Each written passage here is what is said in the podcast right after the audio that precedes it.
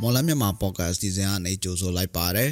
2023ခုနှစ်မတ်လ24ရက်နေ့ဒီနေ့ကျွန်တော်တို့တင်ဆက်မယ့်အစီအစဉ်မှာတော့ပရိသတ်တွေဆိုရင်စာပွဲမွန်ပြည်နယ်တဲ့ပြည်ရင်တဲ့နဲ့အာဆီယံတဲ့တဲ့ပေပိုချက်ပြည်သူတွေသိထားတဲ့နိုင်စဉ်ကုံစင်တော်တဲ့ချို့ကိုအစီအစဉ်ပထမပိုင်းမှာရွေးချယ်တင်ပြပေးသွားမှာဖြစ်ပါတယ်။ဒါအပြင် ရခိုင်ပြည်လွတ်မြောက်ရေးပါတီကိုပြန်ဖွဲ့စည်းပြီးဥက္ကဋ္ဌတာဝန်ယူထားတဲ့ဒေါ်စောမြရာဇာလင်းဟာတရားမဝင်ဘူးလို့ AAB ကပြောဆိုလိုက်တဲ့သတင်းပေးပို့ချက်ကိုလည်းတင်ဆက်ပေးပါဦးမယ်။ဟုတ်ကဲ့ပါဒီကနေ့အစီအစဉ်မူကတော့ကျွန်တော်အာကာအတောင်ယူတင်ဆက်တော်မှာဖြစ်ပြီးကျွန်တော်နဲ့အတူနွန်တန်ရသတင်းတွေကိုကူညီဖတ်ကြားပေးတော်မှာပါနားဆင်ကြတဲ့ပရိသတ်အလုံးကိုမင်္ဂလာပါလို့နှုတ်ခွန်းဆက်သပါရစေ။ကျမနွန်တဲ့ကကိုအာကာနဲ့အတူသတင်းတွေကိုကူညီဖတ်ကြားပေးသွားမှာဖြစ်ပါတယ်။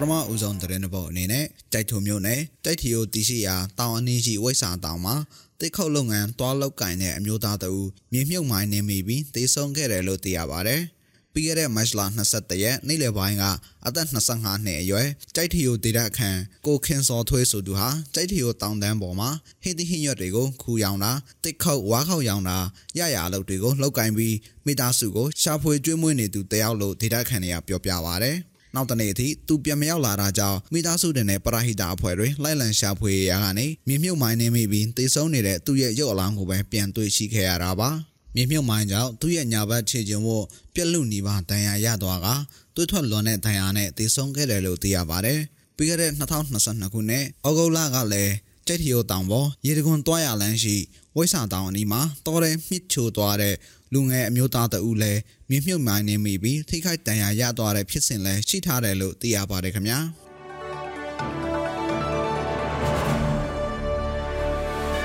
နောက်ထပ်သတင်းသဘောအနေနဲ့ကယူရန်တိုင်းစစ်ဌာနချုပ်တရှိရာမြိတ်မြို့မှာစစ်ကောင်စီကတိုင်းရင်သားအခွင့်အရေးဆိုင်ရာဖိုရမ်ပြုလုပ်နေတယ်လို့မြို့ခံတွေထံကနေသိရပါဗျ။တနင်္သာရီတိုင်းအတွင်းမြို့နယ်အချို့မှာစစ်ရေးပြင်းထန်နေတယ်လို့စစ်ကြောင်းထုံးမှုတွေကြောင့်ဒေသခံအရက်သားပြည်သူတွေ ထွက်ပြေးနေကြရခြင်းမြိတ်မြို့မှာဖော်ရန်ကျင်းပလာတာဖြစ်ပါတယ်။မနေ့မနက်ပိုင်းကစတင်ပြီးမြိတ်မြို့ရှိငါးလုံငယ်အဖွဲ့ချုပ်ရုံးမှာကျင်းပပြုလုပ်နေပြီးမလ25ရက်နေ့အထိပြုလုပ်သွားမှာဖြစ်တယ်လို့သိရပါတယ်။2008ဖွဲ့စည်းပုံအခြေခံဥပဒေပါ။တိုင်းရင်းသားလူမျိုးများရဲ့ရပိုင်ခွင့်နဲ့ပတ်သက်ပြီးပုံမသိရှိနားလည်နိုင်ဖို့တနင်္သာရီတိုင်းဒေသကြီး တိုင်းရင်းသားရေးရာဝန်ကြီးကကြီးမှုကတိုင်းအစိုးရရန်ပုံငွေနဲ့ကျင်းပခြင်းဖြစ်တယ်လို့စစ်ကောင်စီတိုင်းရင်းသားလူမျိုးများရေးရာဝန်ကြီးဌာနအထံကသိရပါဗျ။တိုင်းရင်းသားလူမျိုးများရေးရာဝန်ကြီးဌာနဒူးဝန်ကြီးစစ်ကောင်စီအကြံပေးတွေဖြစ်တဲ့ဒေါက်တာရင်ရင်နွယ်နဲ့ဒေါက်တာအင်ဒရူငွန်ကြုံလျက်တိုင်းနယ်ပြည်နယ်တိုင်းရင်းသားရေးရာဝန်ကြီးဌာနတွေတက်ရောက်ဆွေးနွေးခဲ့တယ်လို့ပြောပါဗျ။မြဲတနင်္သာရီနဲ့ကျွန်းစုမြို့နယ်တို့ကလူမှုရေးပါတာရေးအသင်းအဖွဲ့တွေစီးပွားရေးလုပ်ငန်းရှင်တွေ ပါတီအချို့မှပါတီဝင်တွေမြို့ခံအချို့နဲ့ကရင်မွန်နဲ့ရခိုင်လူမျိုးချို့တက်ရောက်ခဲ့ကြတယ်လို့ဖိုရန်တက်ရောက်သူတွေထံကနေသိရပါဗျ။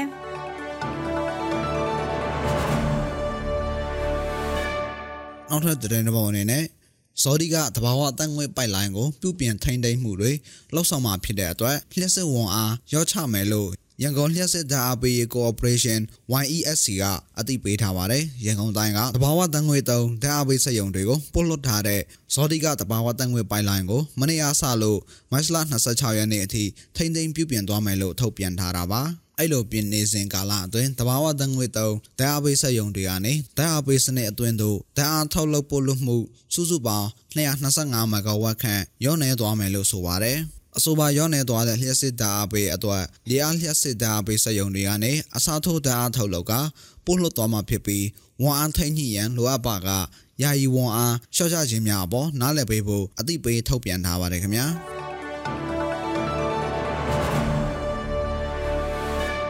နောက်ထပ်သတင်းသဘောက်အနေနဲ့ကရင်နီပြည်နယ်ဘောလခဲမြို့နယ်ဝမ်ပလကျေးရွာအနီး မနေ့နေ့လယ်ပိုင်းကအရက်သားတွေအလုလုံနေတဲ့တစ်လုံငန်းဌာနကိုစစ်ကောင်စီတပ်ကလေကြောင်းနဲ့ပစ်ခတ်လို့အရက်သား3ဦးထိခိုက်ဒဏ်ရာရပြီး2ဦးသေဆုံးခဲ့တယ်လို့ပေါ်လခဲပြည်သူ့ကာကွယ်ရေးတပ် PPDF ကထုတ်ပြန်ပါတယ်။လေကြောင်းတိုက်ခိုက်ခံရတဲ့အဲ့ဒီနေရာမှာလူထိခိုက်မှုတမကလုပ်ငန်းသုံးရင်တွေနဲ့အလုတ်သမားတွေနေတဲ့အိမ်တွေလည်းပျက်စီးခဲ့တယ်လို့ဆိုပါတယ်။ဂျက်လီရင်သစီနဲ့ငါးချိန်ပြစ်ခတ်ခဲ့တာဖြစ်ပြီးထိခိုက်ဒဏ်ရာရသူတွေနဲ့သေဆုံးသူတွေဟာ တစ်လုပ်ငန်းလောက်ကင်နေကြတဲ့အသက်40နဲ့50ဝန်းကျင်ကြားအမျိုးသားတွေလို့သိရပါဗျ။ကရင်နီဒေသတွင်းအသတင်းတွေမှာတော့အခုလေကြောင်းတိုက်ခိုက်ခံရတဲ့နေရာဟာတိုက်ပွဲဖြစ်ပွားတဲ့နေရာမဟုတ်သလိုတိုက်ပွဲဖြစ်နေတဲ့နေရာနဲ့ကီလိုမီတာ20ကျော်ကွာဝေးတယ်လို့ဖော်ပြထားပါတယ်။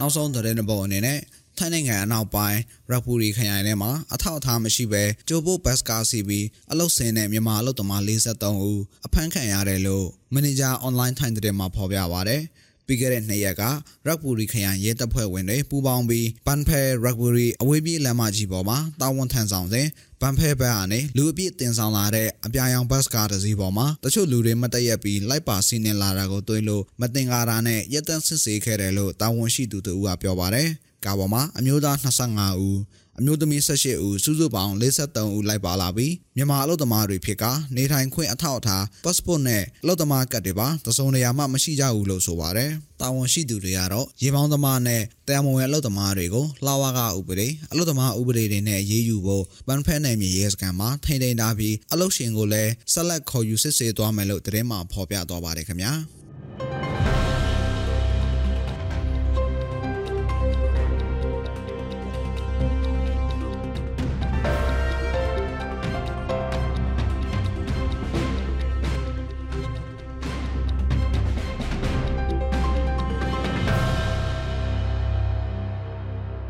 ပြည်သူတွေသိထားတဲ့နေ့စဉ်ကုန်စည်နှုန်းသတင်းတချို့ကိုမော်လမြိုင်ကုန်စည်တိုင်းအချက်လက်တွေကိုအခြေခံပြီးကျွန်တော်အာကာတင်ဆက်ပေးပါဦးမယ်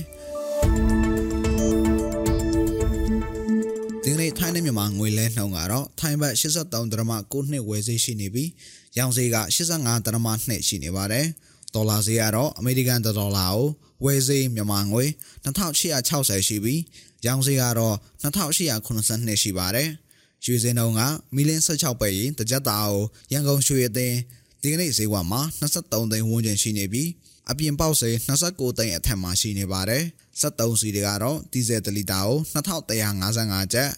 အောက်သိန်း62တလီတာကို2150နဲ့65တလီတာကို2250အထိရှိနေတာပါစံစင်းတုံးကတော့အကောင်းစားပေါ်စံမွေ108ပေါင်အမြင့်ဆုံးကို9200ကျပ်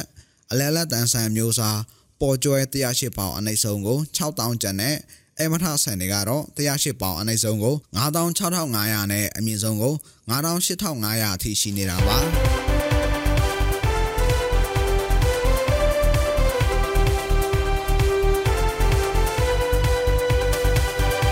အခုတင်ဆက်ပေးသွားခဲ့တာကမတ်လ24ရက်နေ့မှာဖြစ်ပျက်ခဲ့တဲ့မွန်ပြည်နယ်တဲ့ပြည်တွင်းသတင်းနဲ့အာဆီယံသတင်းတွေအပြင်တ နိဒာစီစေးငွေစေးနဲ့ကုန်စည်နှုန်းတွေကိုတင်ဆက်ပေးသွားတာဖြစ်ပါတယ်။ဆက်လက်ပြီးတော့ရခိုင်ပြည်လွတ်မြောက်ရေးပါတီကိုပြန်ဖွဲ့စည်းပြီးဥက္ကဋ္ဌတာဝန်ယူထားတဲ့ဒေါ်စောမြရာဇာလင်းဟာတရားမဝင်ဘူးလို့ AAB ကပြောဆိုလိုက်တဲ့သတင်းပေးပို့ချက်ကိုလည်းနဒီကတင်ဆက်ပေးပါဦးမယ်။ရခိုင်ပြည်လွတ်မြောက်ရေးပါတီ AAB ကိုပြန်လည်ဖွဲ့စည်းပြီးဥက္ကဋ္ဌအဖြစ်ကြီးညာတာဟာတရားဝင်မှုမရှိကြောင်း AAB ပါတီရဲ့ခိုင်ရဲခိုင်အုပ်စုကအတွေ့အတွေ့သွင်းမှုခိုင်ကျော်ခိုင်ကပြောပါတယ်။ဗဟိုကော်မတီ60ရာခိုင်နှုန်းကျော်ကိုအတိမပေးပဲ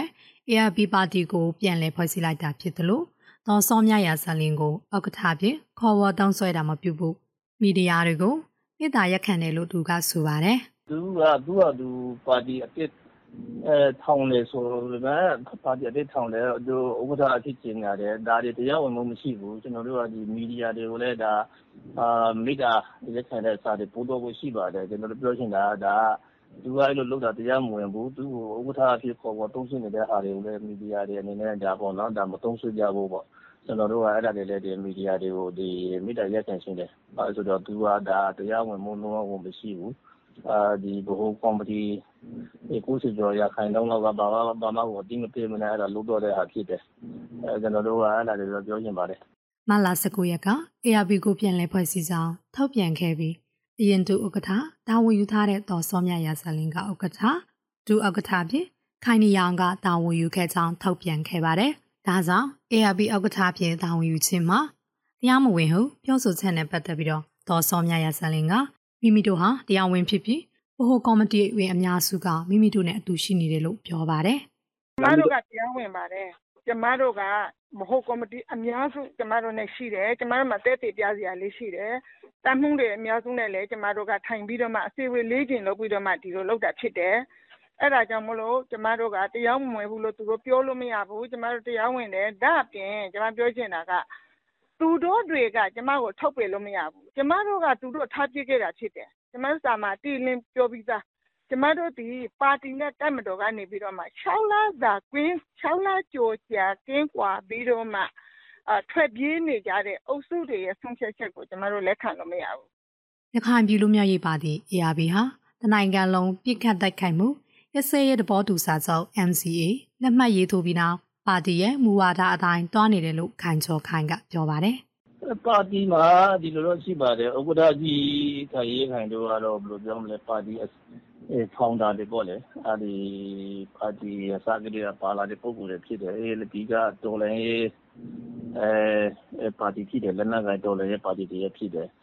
အာဒါပေမဲ့ကျွန်တော်တို့2015မှာ NC စာချုပ်ထုတ်ခဲ့တယ်ပေါ့နော်ဒါဒါပေမဲ့အဲ့ဒီစာချုပ်ထုတ်ခဲ့တဲ့ပုံမှာ အဲဒီ NC အတိုင်းပဲတော့နေခဲ့တယ်ပေါ့ ဒါပေမဲ့ လက်ရှိအချိန်မှာ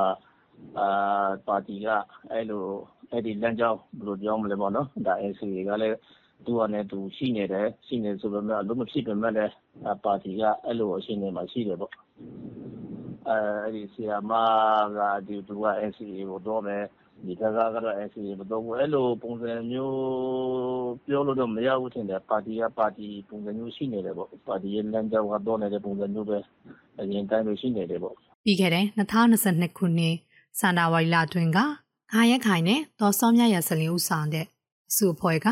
ခိုင်ဆိုးနိုင်အောင်ဦးဆောင်တဲ့အဖွဲ့ကို ပါတီတစ်တီထောင်ဖို့စ조사တယ်လို့ဆိုပြီး ARP မှ ထုတ်ပယ်လိုက်ကြောင်း ကြေညာချက် ထုတ်ပြန်ခဲ့ပါတယ်။လက်ရှိတွင်လည်း ARP ပါတီကို ပြန်လည်ဖွဲ့စည်းခဲ့ပြီးဥက္ကဋ္ဌတာဝန်ကိုဒေါ်စောမြရာစာလင်းကယူထားပြီးအဆိုပါဖွဲ့စည်းမှုဟာတရားမဝင်ဘူးလို့ခိုင်ရဲခိုင်အုပ်စုကပြောကြားခဲ့ပါတယ်။ရခိုင်ပြည်လူမျိုးရေးပါတီ ARP ဟာတနိုင်ငံလုံးအပြစ်ခတ်တိုက်ခိုက်မှုရက်စက်ရေးတဘောတူစာချုပ် MCA လက်မှတ်ရေးထိုးထားတဲ့လက်နက်ကိုင်အဖွဲ့၁၀ဖွဲ့မှာပါဝင်ပါတယ်။